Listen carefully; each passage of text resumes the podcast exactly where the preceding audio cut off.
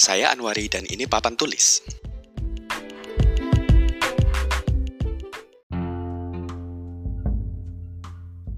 Pandemi COVID-19 menyebabkan disrupsi di banyak bidang, termasuk pendidikan. Setidaknya 45 juta siswa di Indonesia tidak dapat melanjutkan kegiatan pembelajaran di sekolah. Banyak pertanyaan muncul seperti apa pengajaran dan pembelajaran setelah pandemi. Pertanyaan yang sering muncul juga sebelum pandemi adalah bagaimana pendidikan di masa depan?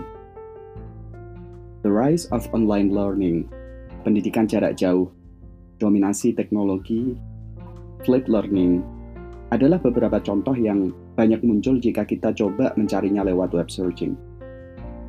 Mengingat kembali isu bahwa dunia yang kita tinggali sekarang dalam perubahan untuk mengejar teknologi masa depan, bagaimana dan apa yang kita ajarkan dalam sistem pendidikan kita juga perlu dibentuk untuk tetap beradaptasi dengan pertumbuhan akan kebutuhan di abad 21 Menurut Peter Diamandis, ada lima isu utama, di samping banyaknya isu-isu lain yang sering kita temui langsung di pengajaran dan pembelajaran di kelas.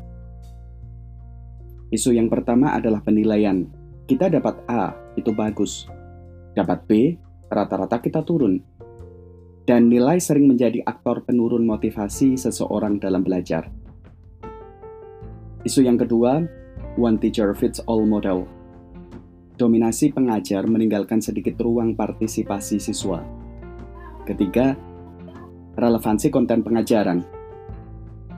Lalu, keempat, dominasi memorisasi, meninggalkan sedikit ruang untuk imajinasi. Dan yang kelima adalah kelas itu membosankan. Apa yang dilihat Peter Diamandis tentang lima isu itu juga banyak berkaitan dengan area yang dilihat tentang bagaimana pembelajaran dan pengajaran di masa depan. Di tengah era yang semakin kompleks permasalahan dan kebutuhan yang bisa dikatakan sangat berbeda dari abad sebelumnya. Area yang pertama adalah komunikasi, kolaborasi, dan kerjasama. Konsep bahwa guru berada di depan kelas yang penuh dengan siswa, yang mau mendengarkan dan merespon petunjuk adalah sesuatu yang sering kita dengar, dan beberapa menghubungkannya dengan masa lalu. Meskipun apa yang diusung tentang pembelajaran dan pengajaran di masa depan tidak sepenuhnya pendekatan yang baru, yang beberapa tetap disarikan dari apa yang kita pakai dalam praktek pengajaran yang ada. Domain ruang untuk pembelajaran siswa akan melewati batas tembok kelas yang kita kenal sekarang. Kondisi ini menitik beratkan siswa sebagai partner atau co-kreator untuk proses pembelajaran mereka. Pengalaman yang memungkinkan terjadinya kolaborasi, komunikasi, dan kerjasama tim bagi siswa sering terjadi di luar tembok kelas. Kita perlu memfasilitasi pengalaman ini untuk pembelajaran. Dan kelas-kelas yang kita punya perlu menjadi bahan refleksi terkait hal ini, ucap McLaughlin, profesor dari RMIT School of Education Australia. Siswa akan masuk dalam lingkungan yang memberi kesempatan untuk kolaborasi, yang terjadi dalam pembelajaran melalui proyek antara individu, kelompok kecil, atau grup yang lebih besar.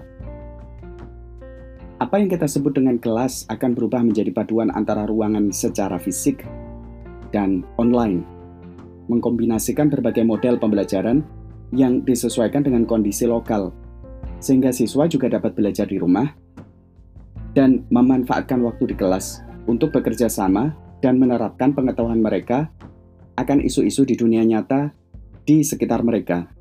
Kelas formal perlahan akan berubah menjadi tempat pembelajaran yang mendorong individu, kelompok kecil, atau grup yang lebih besar untuk berkolaborasi secara face-to-face dan juga virtual dalam proyek-proyek pembelajaran. Area yang kedua adalah pembelajaran di mana pun dan kapan pun. Kita sedang berada di era digital dan memudahkan sebagian besar di antara kita berhubungan dan berkomunikasi secara global. Dunia informasi ada di ujung jari dengan hanya click of a button or a simple voice command. Dan dengan adanya perkembangan teknologi digital yang pesat, siswa perlu berpartisipasi aktif dalam proses pembelajaran yang beriringan dengan perkembangan. Teknologi bisa dilihat pada saat ini sebagai hal yang bukan hanya menjadi tambahan ketika kita berbicara dalam proses pembelajaran, teknologi bisa menjadi faktor pendorong. Teknologi dipandang menjadi hal yang perlu dimasukkan dalam peta penyusunan pendidikan masa depan. Selain sosioekonomi, budaya, lingkungan, etika, dan seterusnya. Kita bisa melihat beberapa kenyataan bahwa teknologi menciptakan ruang tanpa batas, di mana pembelajaran dapat terjadi dengan siapa dan mengapa. Kelas dapat terjadi di mana pun dan kapan pun. Siswa dapat bekerja sama untuk proyek pembelajaran melalui virtual konteks dengan siswa lain dari belahan bumi lain dalam waktu yang hampir bersamaan. Kemajuan di bidang teknologi sangat memudahkan kita dalam mengakses informasi dan komunikasi dengan hanya tekan tombol. Pendidikan di masa depan perlu mempertimbangkan bagaimana teknologi dapat digunakan untuk kemaslahatan siswa. Mengajarkan juga kepada mereka bagaimana menghadapi permasalahan yang muncul dari perkembangan teknologi termasuk bagaimana pelaksana pendidikan dan pengembang teknologi perlu bekerja sama untuk menyediakan akses teknologi yang adil bagi setiap siswa. Teknologi dapat berperan mengubah pembelajaran dan kita perlu memahaminya dan memanfaatkannya dengan bijaksana untuk kemanfaatan bersama dalam pendidikan. Area yang ketiga adalah pengayaan berbasis learner first approach.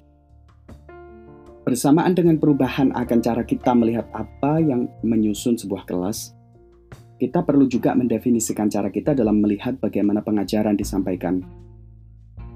Hampir semua profesi melayani setiap permasalahan individu dengan berbeda. Setiap pasien dari seorang dokter memiliki rencana perawatan yang disesuaikan dengan kondisi individu. Seharusnya di pendidikan juga seperti itu. Pendekatan satu model pengajaran dan pembelajaran cocok untuk semua siswa terdengar kurang cocok dan kurang memiliki posisi kuat di dalam agenda pendidikan masa depan kita. Guru akan menjadi fasilitator dari proses pembelajaran, dan siswa akan memiliki kemandirian yang lebih dalam perjalanan belajar mereka. Di masa lalu, semua anak diperlakukan sama, seperti tidak peduli kemampuan, keahlian, dan latar belakang mereka. Kita sekarang tahu dari berbagai studi riset pendidikan dan perkembangan ilmu neuroscience bahwa perlakuan menyeragamkan dalam pendidikan menjadi salah satu faktor yang berkontribusi pada ketidaktertarikan, ketidakpatuhan, dan hasil yang jauh dari harapan.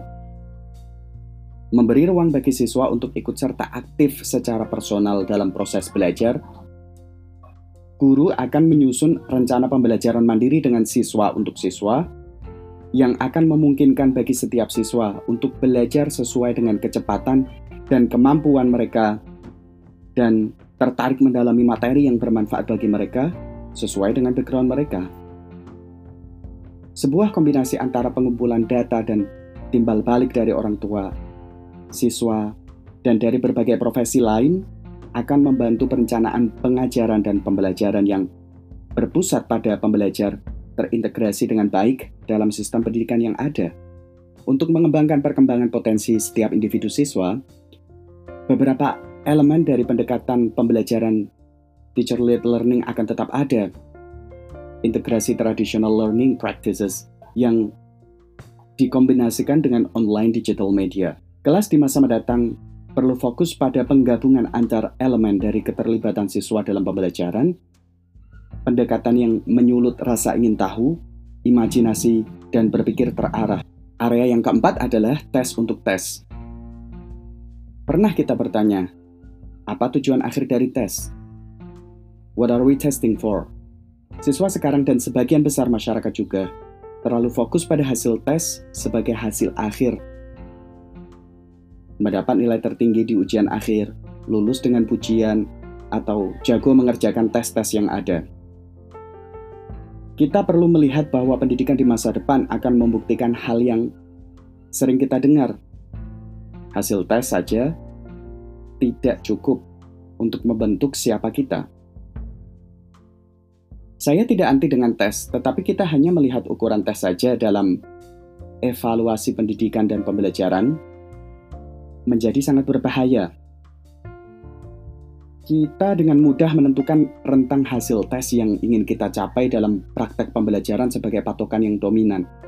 Dan hal yang kita lakukan seperti ini dapat membawa kita ke arah yang berlawanan dari apa yang benar-benar penting dan utama dalam pembelajaran.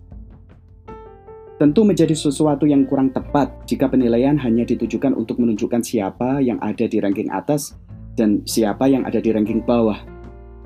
Penilaian di masa depan yang dibutuhkan adalah penilaian sebagai evidence-based untuk mendukung rancangan dan pelaksanaan pembelajaran mandiri siswa. Pertanyaan besar yang kita punya terkait tes dan nilai dalam pendidikan adalah mengapa kita perlu menilai dan nilai itu untuk siapa?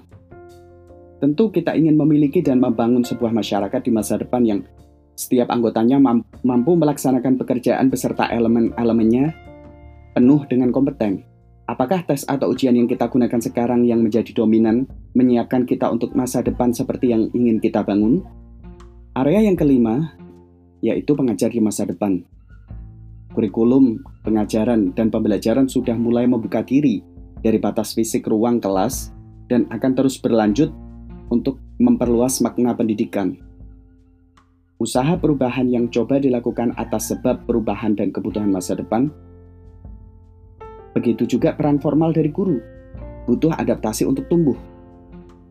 Menjadi tanggung jawab guru dalam proses pembelajaran formal, mendukung siswa untuk berani mengambil resiko, berinovasi, dan mengambil kesempatan yang ada.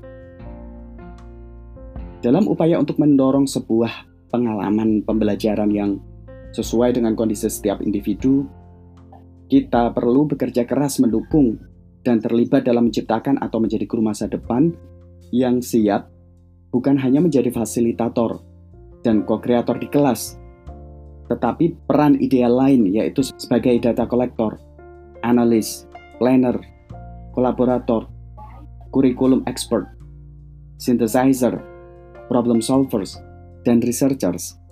Peran yang sangat tidak mudah dan perlu kita dukung bersama-sama.